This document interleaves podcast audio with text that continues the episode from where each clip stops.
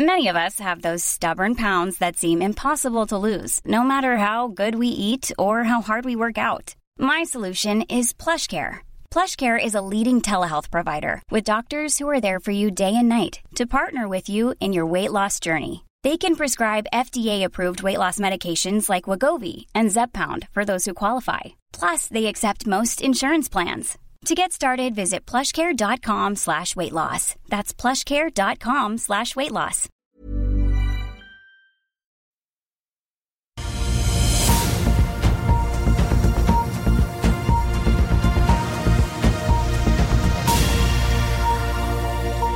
En riktig god onsdagsmorgen alle sammen, og velkommen til Børsmorgen her hos oss i Finansavisen. Mitt navn er Marius Lorentzen sammen med aksjekommentator Karl Annes fra Grand Hotel i Oslo, hvor Sparebank1 Markets er i gang med dag to av sin energikonferanse.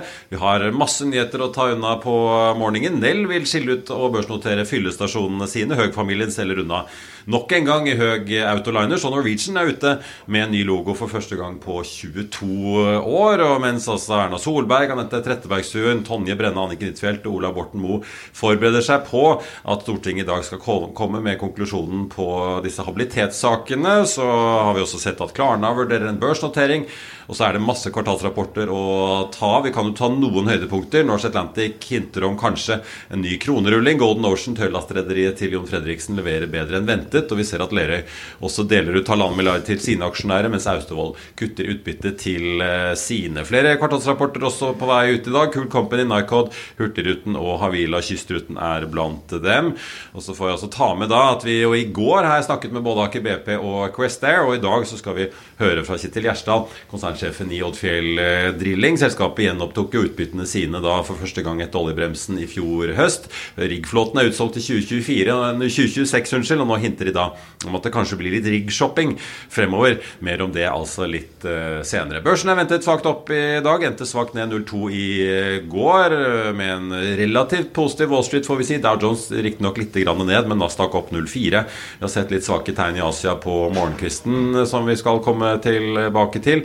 Nordsjøoljen ligger da på 82,30, opp 0,1 Og Så tenkte jeg bare også nevne da dette Høg Autoliners-salget til Høg-familien. De selger altså for 1,1 milliarder kroner. Rabatten er ikke mye å snakke om, ca. 5 fra sluttkursen i går. De selger altså rundt 6% av selskapet til 97 kroner i aksjen. Den aksjen endte i går på 101,50. Og aksjen startet jo, får vi si, tilbake med børsnoteringen i 2021 på 21 kroner. Og da har jo mye gevinst blitt sikret, inkludert av den aksjeposten som ble solgt i fjor, Karl Johan, også på 765 millioner. Så Høgfamilien tar litt penger av bordet. God morgen. Ja, men det er jo naturlig. Det, det, det, er, det man er sikker på når man har hatt boom, er jo at det kommer en bust på et eller annet tidspunkt. Alltid sånn i shipping? Ja. ja. Så det, det, er bare spørsmål om når. Det har vi jo fra Petter Haugen. Ja. Så han har jo allerede tatt ut forsikringen på den. Så nei, men det er naturlig. Man tar litt penger av bordet og ser jo hvor Gjelsten hvor flink han har vært til å ta gevinster underveis på på Kid, og det, han, det, det, går ikke an å angre på det man har solgt på forhånd. Sakte, men sikkert så reduserer man seg ned. Ja.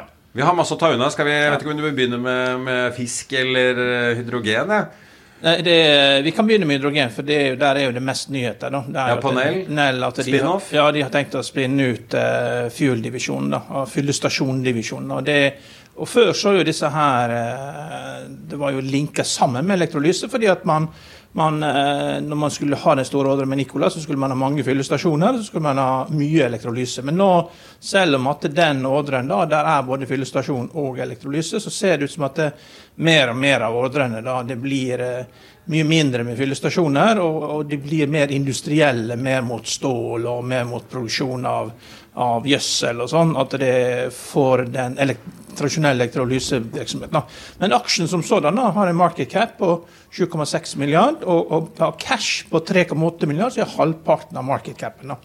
Så på en aksjekurs på 4,50 det bare seks kjøpsanbefalinger nå. 13 hold og eh, 13 salgsanbefalinger.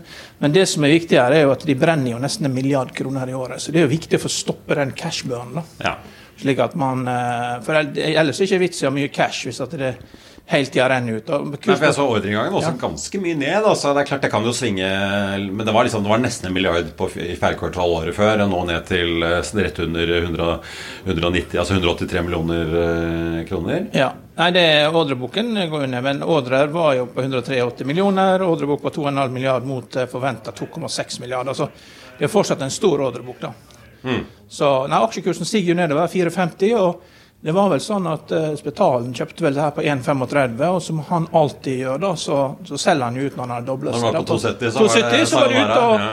og, og, nå er jo aksjen på vei ned dit. og så kan Spetalen snart si hva var det jeg sa, det var riktig å selge på 270. Han gikk her i gangen i går, så ja. vi, får, eh, vi får, se om vi får tak i han i dag. Da kan du bare ignorere at kursen har vært i 35 kroner, og at det har vært en spekulativ boble her som ikke viste seg å være reell, men sånn er aksjemarkedet. Man må ri de boblene man får med seg. og så Kanskje man har noe Det er ikke noe å angre på etterpå. For den, den resepten med alltid doble pengene, den virker jo den på lang sikt. Det er bare at får, Da får ikke du med deg alle boblene. Nei. Jeg sa jo, De sliter jo men det. Du var inne på at pengene renner jo ut av kassen. Men det er vel det første store strategiske grepet som Volda tar etter at han tok over som Nell-sjef? Ja.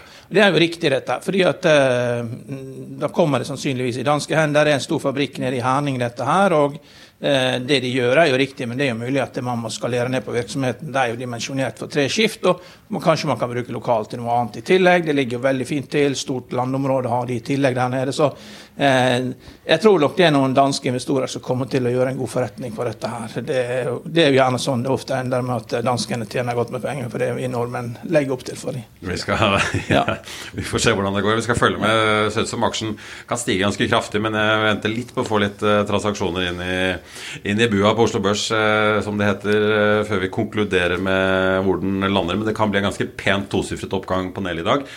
Lerøy da, ute med tall, bedre operasjonelt resultat enn eh, ventet. Utbytte flatt på, på 2,50. Hva skal vi si om Lerøy? Nei, altså det er jo, det er jo alltid altså, Operasjonell EBIT av 766 mot forventa 678. Det er jo alltid skummelt med Lerøy-tallene. Det har jo en tendens til å ha store avvik fra disse forventa også denne gangen, men denne gangen på den positive siden. Det som er overraskende, er jo at det er så mange kjøpsanbefalinger. Det er sju kjøp og fem hold, og ingen salgsanbefalinger. Eh, på, et, på et selskap som tenderer til å slite. Mm. Så det, det, betyr jo at folk har tro på at det problemet de, de har hatt, er bak de, og aksjen er jo bare P10, så det er jo 20% rabatt i forhold til Movi og vesentlig billigere enn SalMar. Men det er jo en grunn for dette. her. Det har jo litt med geografisk lokalisering av de eh, oppdrettsanleggene som gjør det vanskeligere å tjene penger der Lerøy er enn der SalMar er. Ja, jeg tenkte jeg bare får eh, nevne handelen på Oslo Børs. er så vidt i gang. Eh, opp 0,1% på hovedindeksen nå. Ser ut til at Nell kan stige i over 20% men eh, det ser ut som vi sliter litt med å finne kjøper og selger i de første minuttene her. Får vi se hvor ting krysser seg etter hvert. Lerøy opp 8,8% fra start. Eh, Austevoll eh, henger etter på 8,1. Eh, Golden Ocean Karl Johan også ute med i dag, litt over 2% i pluss. De tredobler utbyttet fra 10 til 30 dollar sent. Det var mer enn ventet, og resultatet endte på nesten 60 millioner dollar også i kvartalet. Ja. Det er alltid Alle shippingselskapene bruker ikke å gå på tallene, for det skal jo være kjent. Det er jo en commodity, dette. så Eh, det, det, skal jo ikke være noen reaksjon på dette. Det, det Mye omsetning i Golden ja. i hvert fall fra start av, ser det ut til. Det er jo ting som skjer som man ikke vet om i kvartalet, som driver kursene på disse aksjene. her. Ja, men uh, i hvert fall ser det ut som uh, det jubles over Lerøys uh, tall. Ja. ja. Foreløpig. Uh, skal vi snakke litt fly også? For en av de som sliter tungt uh, mens Asanel ser ut til å Skal sitte om vi har fått noen transaksjoner her. Norse Atlantic uh, Ja, det er fortsatt ikke noen transaksjoner og trades på Nell, så vi får vente litt på den. Men Norse Atlantic ned 14% fra start. For mens altså bransjekollega Norwegian er ute med en ny logo i dag, har piffet litt opp og rendikket det røde og det hvite og tatt bort Det var vel noen blåtoner eller noe inni et fly der. Eh, så er altså Norse ute. Taper jo fortsatt penger da, men eh, de har nå hatt sitt første fulle hele driftsår. Snakker om at nå ser de en klar bane mot overskudd eh, for helåret 2024. De bokførte jo et kvartal med så vidt i pluss her tidligere i 2023. Men det er klart her er det mye som kan skje med strategiske grep. Det, er ikke utenkelig at det kanskje kommer en ny emisjon. Nye eiere kanskje kommer inn. For de har jo hyret inn disse Seabury til å rådgi dem her nå. Ja, og så ser jeg at de skal leie ut et skip til Nei, et fly til, eh, til, fly til Nigeria. Ja, London, uh, London ja. ja. Og det er jo Det er jo Det er sikkert mye behov for det om sommeren, altså, men Det er jo spesielt. Det, det, betyr jo det at det er mange steder man mangler fly for tiden. Ja. Og Du så jo Ryanair også stadig at de får for lite fly levert fra Boeing og må øke. Jeg regner med at flyprisen kommer til å øke med 10 i sommer pga. at de de ville måtte redusere tilbudet på en del ruter. Ja, ja Det er jo uh, hjelpen for næringen å ha litt uh, stram tilbudsside. Vi får nå se. Bjørn Tor Larsen har jo tidligere i hvert fall bidratt i emisjoner selv. Han kommer til oss i Børsmorgen i morgen tidlig, så vi får høre litt om om det blir Scorpio som skal ta dette videre, eller om hvem disse andre beilerne som de har snakket om, faktisk er. Men jeg syns jo det er interessant. Nå har vi både fått denne charteravtalen til Lagos. I tillegg så har de jo fornyet utleien av en del fly med Europa. Det tyder jo på at de tar heller penger i dag med en fast utleiekontrakt eller charterkontrakt eh, enn eh, å drive mest mulig operasjon selv med eget billettsalg og egen kommersiell eksponering. Da. Og Det sier vel kanskje litt om hvordan de vurderer også deres egen evne til å klare å tjene penger eh, gjennom eget billettsalg på egne kanaler, særlig da mot det amerikanske markedet. Ja, fly tilfører stor verdi. Det er billig måte å flytte seg til en annen virkelighet på, så det er jo fortsatt veldig populært. så det Får vi bare håpe det at de uh, styrer dette De har god oversikt, og at det de klarer å komme gjennom de, de uh, den oppstartsfasen som de fortsatt er i. da. Ja, vi får uh, se. De snakker i hvert fall om charterinntektene i år ser ut til å bli langt bedre enn uh, fjoråret. Du, apropos shipping. MPC, MPC Container falt jo nesten 7 i går. Så også at NRC var jo uendret, selv om de har halvert da, etter sin, de siste to årene. Da, etter sin kvartalsrapport kom de med i går. Uh, jeg, litt, jeg, vet ikke om du følger med på svensk eiendom, ja, men vi fikk jo Heimstaden og så også SBB. DB Markets hadde ganske mange interessante bemerkninger om SBB. De har jo ikke noe kursmål eller anbefaling der, men de peker på at uh, det, er altså nesten 3 milliarder i verdiendringer, altså i fall. da, Null utbytte, selvfølgelig. Man vurderer nå en børsnotering av dette datterselskapet på boligsiden, Svea Fastigheter. Men det jeg merket meg, som Simen Mortensen og hans svenske kollega skrev, altså De har jo da faste renter i snitt da på 1,8 ja. Og Hvis det er rentenivået SBB har, ja. og de har hatt så store problemer med det kraftige kursfallet altså Hva hadde skjedd da hvis de faktisk lå på flytende? Det sier jo noe om kraften i de renteøkningene og hvor belånt dette her har vært.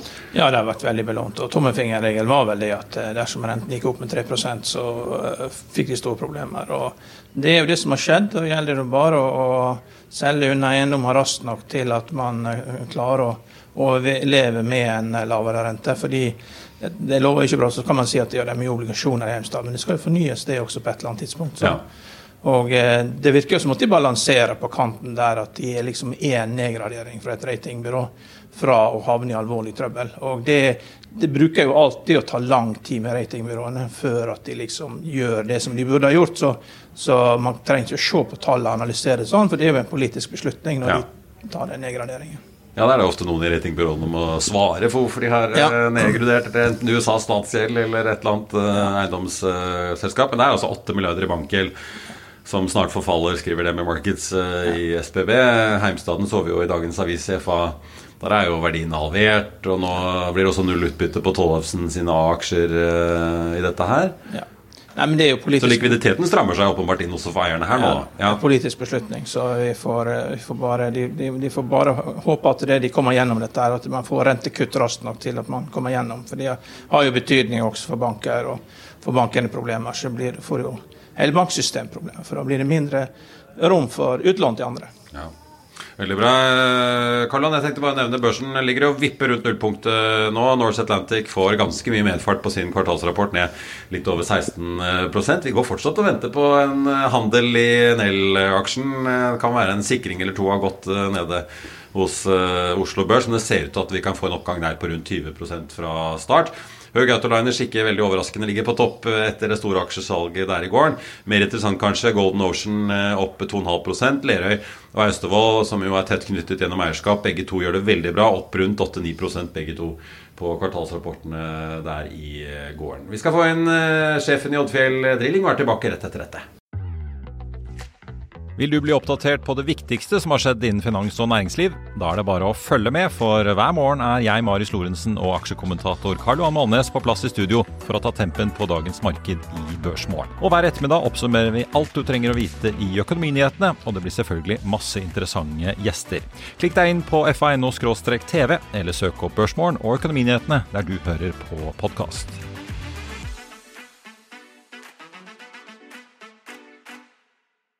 I'll see you in court. Vi sier det ofte litt på spøk, men for deg som driver business, er det aldri moro å innse at du ikke har laget en 100% gyldig kontrakt. Du bør ikke risikere hele firmaet ditt fordi du synes dette med kontrakter er litt stress. En avtale er ikke en avtale. Du kan miste kunder, miste venner, ja, til og med miste inntekter om du ikke lager en skikkelig kontrakt, på alt mulig, egentlig. Men vi vet det er et styr. Kopimaskiner, tregprinter og haugevis av papir. Dessuten stoler vi jo på folk her i landet. Det er ofte litt kleint å skulle be om en signatur for alt mulig, ja, for mye av styret handler også om jakten på underskriften. Det finnes en enkel måte å løse dette på, Dukkobit, en trygg, effektiv og get this, gratis måte å sikre seg en god natts søvn pluss en juridisk bindende avtale. Dukkobit-appen har de strengeste sikkerhetskrav i bunn, samt en EU-godkjent og sertifisert teknologi. Framover vil det bli behagelig å spørre du, skal vi skrive under på det, eller? Kom i gang på dukkobit.no. Kjetil Gjersdal, konsernsjef i Oddfjell Drilling, på plass her på Sparebank1 energi, Sparebank Markets sin energikonferanse. Det gjelder å si eh, riktig. Akkurat også sluppet kvartalstall for ikke lenge siden. Eh, men kanskje vi skal begynne med litt diskusjonen her oppe. Du traff jo noen kollegaer i riggbransjen fra Noble og Transocean, eh, var det vel. Hvordan syns du temperaturen eh, og stemningen i riggnæringen er om dagen? Den er fortsatt eh, god. Og så ser vi på, på dypvann at det er litt snakk om litt white space, det er så litt uh, idle time på, uh, på, i 24. Um, for oss så er det uh, på en måte ikke tema. Vi er utsolgt til, til 26.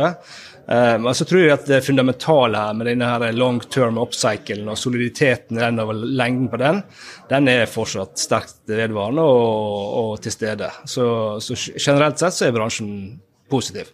For Dere har jo fire rigger dere selv, og fire under eh, management som sier utsolgt. Eh, Equinor og Aker BP og Neptun, eh, eller nå da Vår Energi snart. De har inngått ganske lange kontrakter med dere? Ja, altså disse her fire gule riggene som vi liker å kalle dem, som, som er eid hos oss, de har blitt veldig populære hos Equinor og Aker BP. Um, de har, det er et stort matfat å plukke. De, de kommer opp med, med ny jobb hele tiden. Uh, spesielt Aker BP med denne Yggdrasil-prosjektet. Fem år fast kontrakt på Deepsea uh, Stavanger. Og uh, også noe nylig no, Deepsea Nordkapp og jeg vil si en veldig sterk dagrate på 490 000 dollar dag i 26. Eh, dette er viktige, gode kunder for oss. Eh, og jeg syns det er også oppmuntrende å se når de kommer ut på kapitalmarkedsdagen med de nye prosjektene sine som de har i pipeline, og sånt, tyder på at det blir et, eh, et bra aktivitetsnivå på norsk sokkel framover. Og det er vi glad for. Vi har sett tegn fra seismikkindustrien, som peker inkludert TGS PGS, som peker på at litt dårlig sånn late sales for dem i næringen. Og TGS-sjef Kristian Hansen sa til oss, var ganske åpen på det, at det er ikke alltid seismikk når opp i de siste budsjettrunden i oljeselskapene, og de peker på at Rigg tar en del av de eh, pengene. Hvordan opplever dere det? Er det sånn at hvis det er litt ekstra millioner av dollar liggende rundt, så er det mer fristende å slenge på for å få en ekstra brønn i nærheten av et felt, eller en ny produksjonsbrønn, eller hvordan? Ja da, eh, det, det ser vi skjer av og til. og det er liksom, Nå har jo infield boring på en måte blitt uh, der det, vi ser veldig mye aktivitet i Nordsjøen. altså At du borer rundt eksisterende felt, så skal det på en måte gi rask tilgang til, uh, til ressursene. Det, det er lettvint å knytte det opp mot eksisterende eh, produksjonsfelt og sånt. Um, det er populært. og vi ser at Det er kanskje mer fristende enn det som du snakker om, at de, de, på en måte kjører det mer tradisjonelle løpet med å kjøpe seismikkdata og lete seg fram til det greiene. På et eller annet tidspunkt så må vi begynne å bruke, bruke mer seismikk òg. Det må vi. Men jeg ser det så, så er det jo press på alle til å betale utbytte for tiden. og De, de på en måte sjonglerer nok den cashflowen sin godt og, og tenker så nøye om hvordan de plasserer det. Eh, jeg tror seismikk kommer etter hvert òg. Apropos utbytter, da. Dere begynte jo i fjor også å betale utbytter igjen for første gang siden oljebremsen som vi snakket om sist du var med i FA-TV. Dere har holdt dere jevnt på en så vidt over 14 millioner dollar, eller 6 dollar sendt per eh, aksje. Hva kan investorene vente fremover? Er det et slags gulv eller stabilt nivå, eller hvordan ser dere for dere dette utvikle seg? Nei, dette utvikler seg positivt. Um, nå har vi sagt, lagt oss på det vi anser å være ganske konservativt nivå uh, i, i, starten. Vi har sagt at vi, vi gjennomføre, skal gjennomføre noen uh, kapitalkrevende klassinger i 24.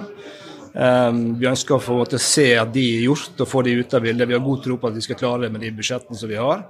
Eh, og så er jo 24 året der vi ruller gradvis over for, vekk fra disse legacy, altså historiske dagratene som er inngått under covid-tiden, og så over på høyere dagrate. Så i 24 så vil vi gradvis begynne å rulle oss over. Og i 25 så har vi hele flåten over på eh, over 400 000 dollar, mellom 400 og 500 000 dollar eh, dagen. Og da ser vi at vi har eh, en veldig god cashflow i selskapet, som gir oss muligheter til å kunne f.eks. øke utbyttet framover. Er dere en fast sats av frikontantstrøm eller resultat etter skatt som dere bruker, eller? Altså vi, dette er jo overlater vi til styret å avgjøre. Vi har en filosofi, og så uh, vil vi vurdere altså Vi liker å ta et litt konservativ approach her, og så ser vi litt an. Uh, husk at vi betaler ganske bra ned på gjelden underveis her òg nå.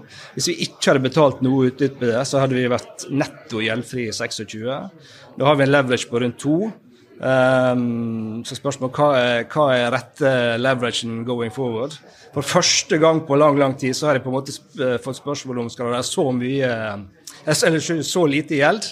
Og det er jo, eh, Den er ny, for den er lenge siden vi har hørt. da. Men, men det vi ser, er en god Kommer til å generere godt med cash, spesielt fra 25 fremover.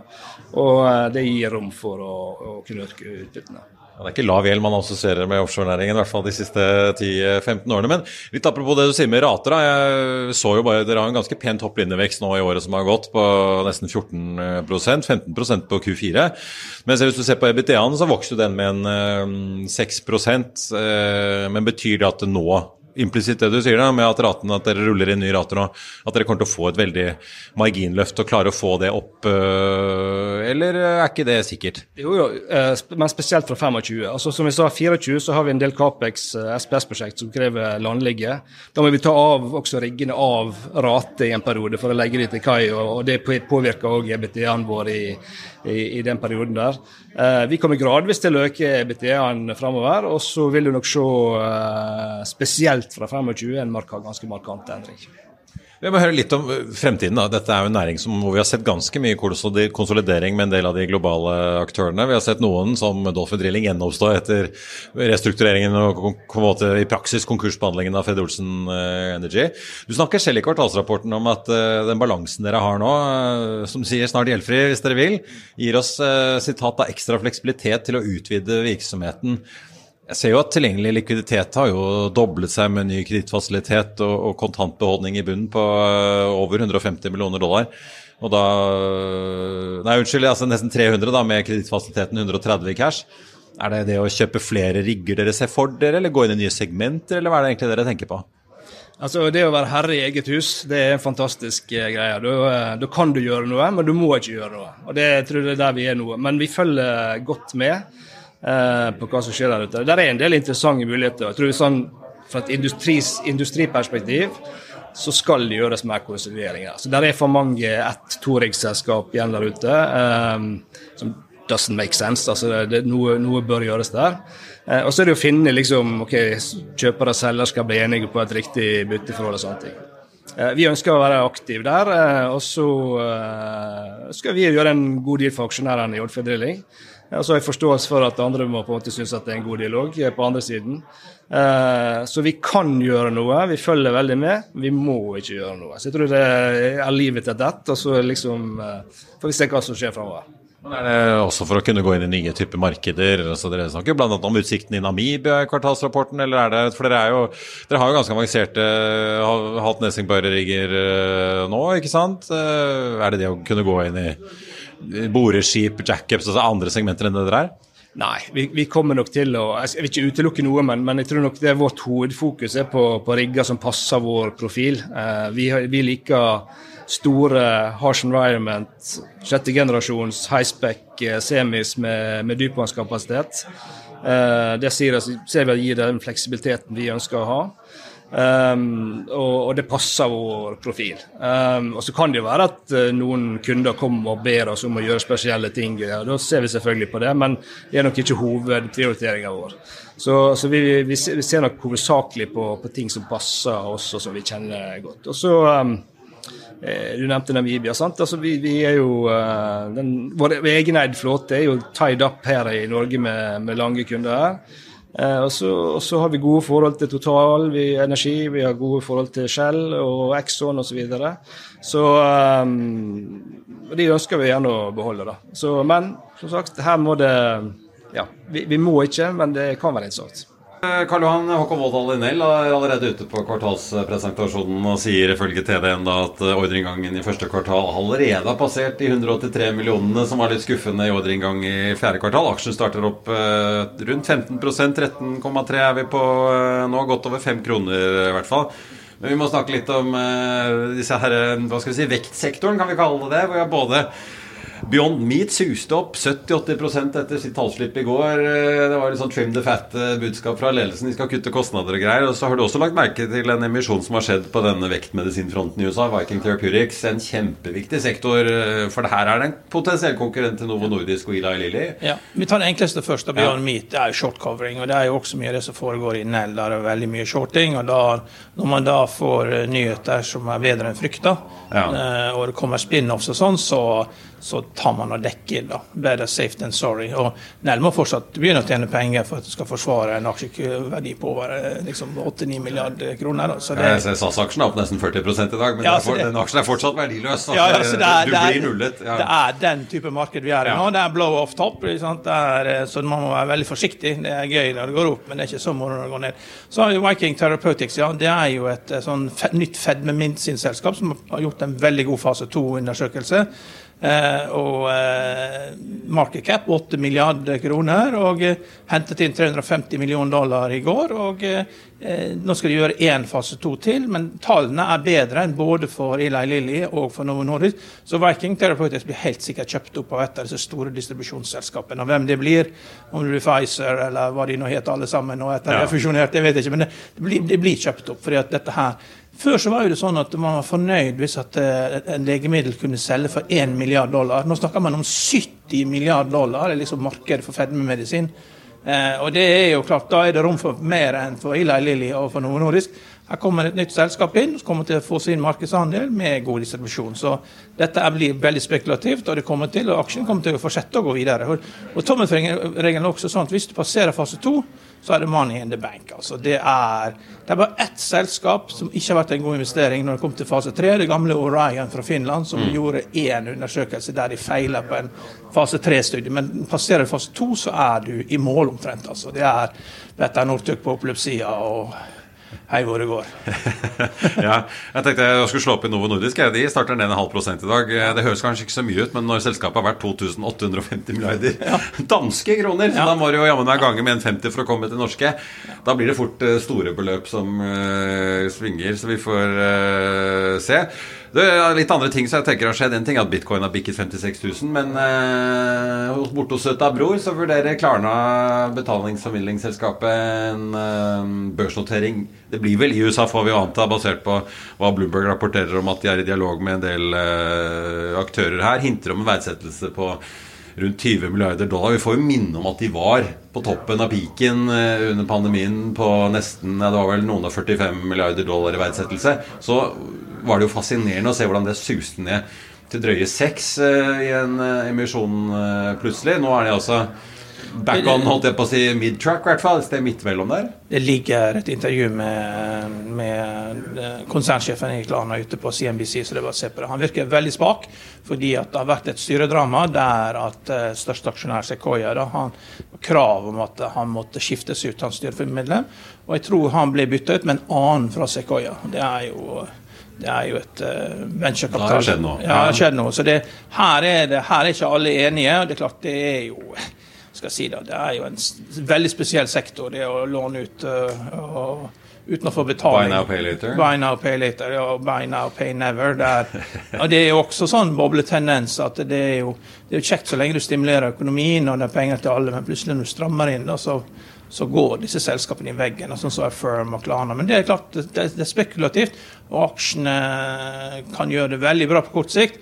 Men uh, til slutt så må de også tjene penger. Ja, Vi vet jo, VIP-sjefen har jo sagt oss han uh, vurderer jo Buy Now Pay Later og kommer med det. Vi ser at flere aktører etablerer seg. Wally er også et svensk selskap som jeg ser i nettbutikker har begynt å etablere seg. Tilbyr jo akkurat de samme tjenestene som Klarna. Det interessante, Jeg har snakket med et par folk i den næringen. Det interessante er jo hvordan mange av disse har blitt ganske aggressive nå på å pushe kundene over på nettopp eh, alle mulige løsninger som kan gi litt grann i gebyr eller litt grann i rentepåslag.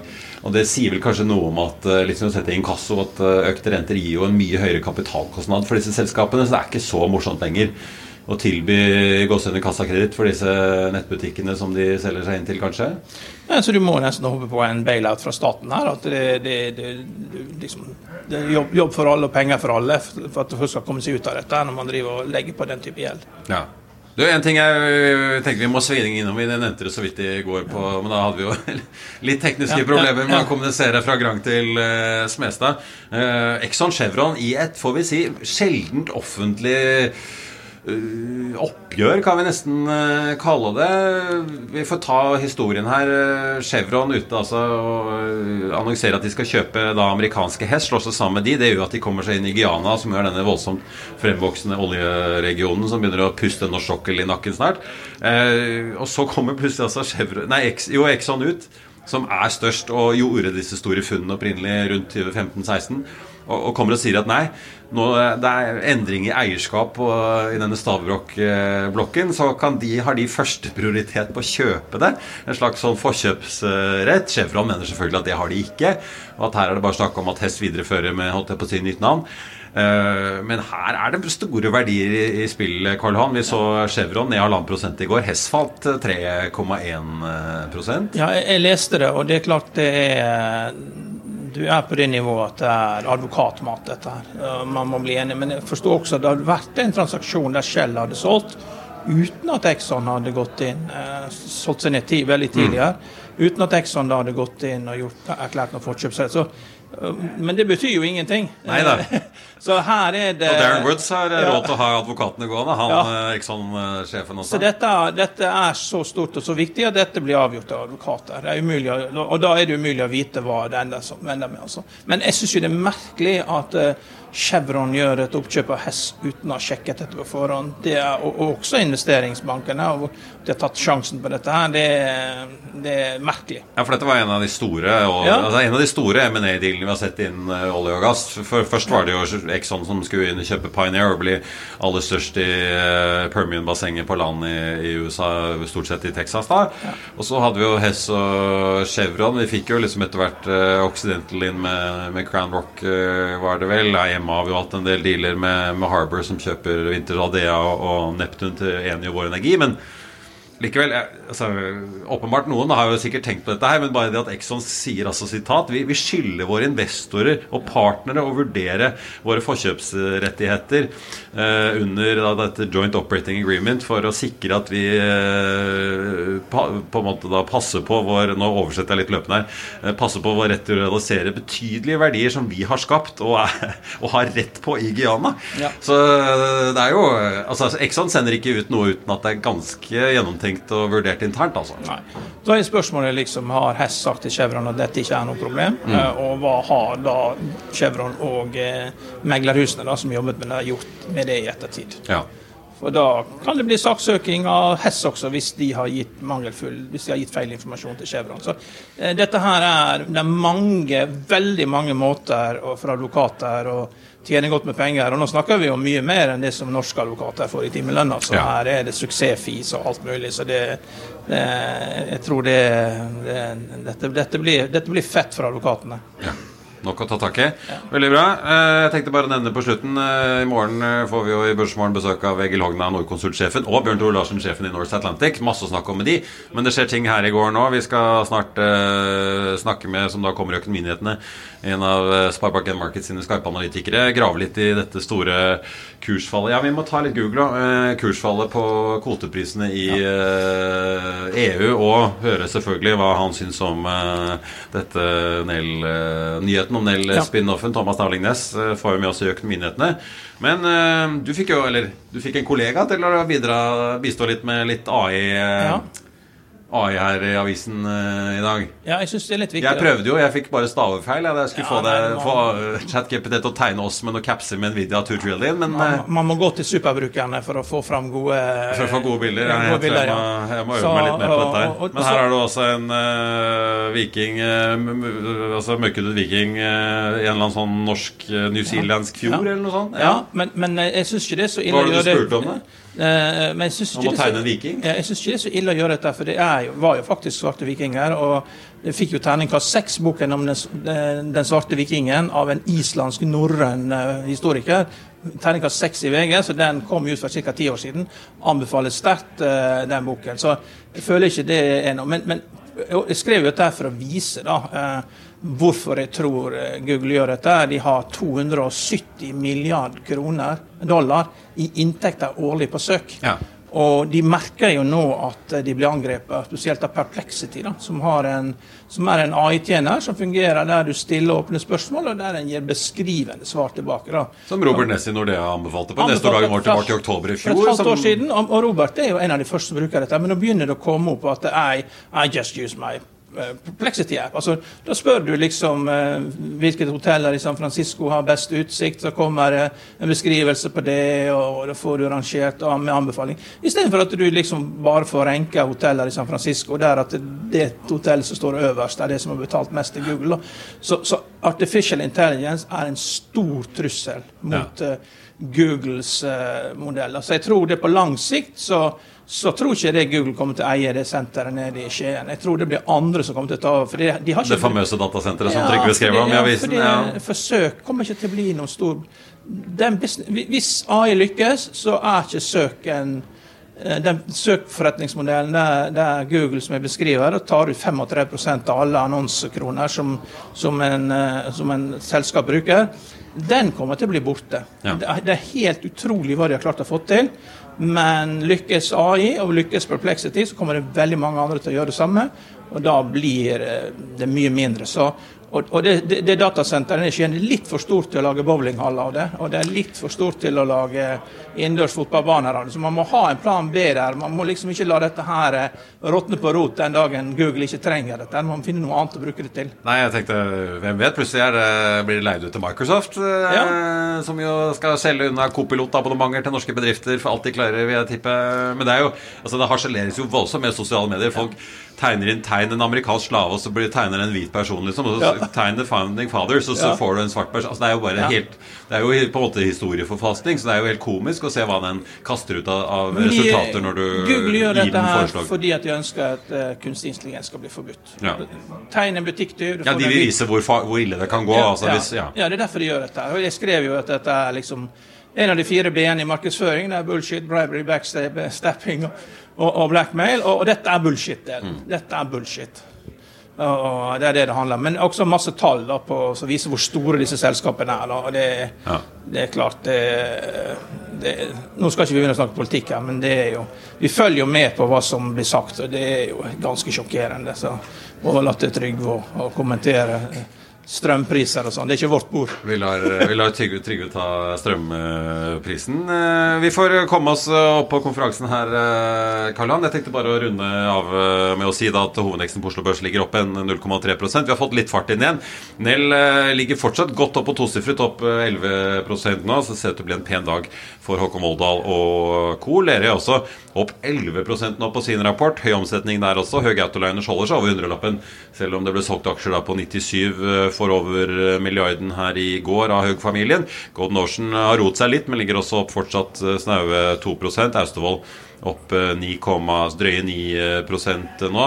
Tenkte jeg bare også nevne en av de som slapp aksjer i, nei, resultater i går. Polite falt over 40% i går, fortsetter ned nye 12 i dag. Og så har vi Norse Atlantic, som også ser ut til å få en tung dag, ned 18 selv om de altså da ser eh, foran seg klare konturer av å kunne levere sitt første hele år med overskudd. Det var børsmålen eh, for denne onsdagen så langt. Vi kommer tilbake med mer her fra Sparebank1 sin energikonferanse utover dagen. Økonominyhetene blir da selvfølgelig 14.30. Siste nytt får du som alltid på F1. Og mitt navn er Marius Lorentzen. Tusen takk for at du så eller hørte på, og så ses vi snart igjen.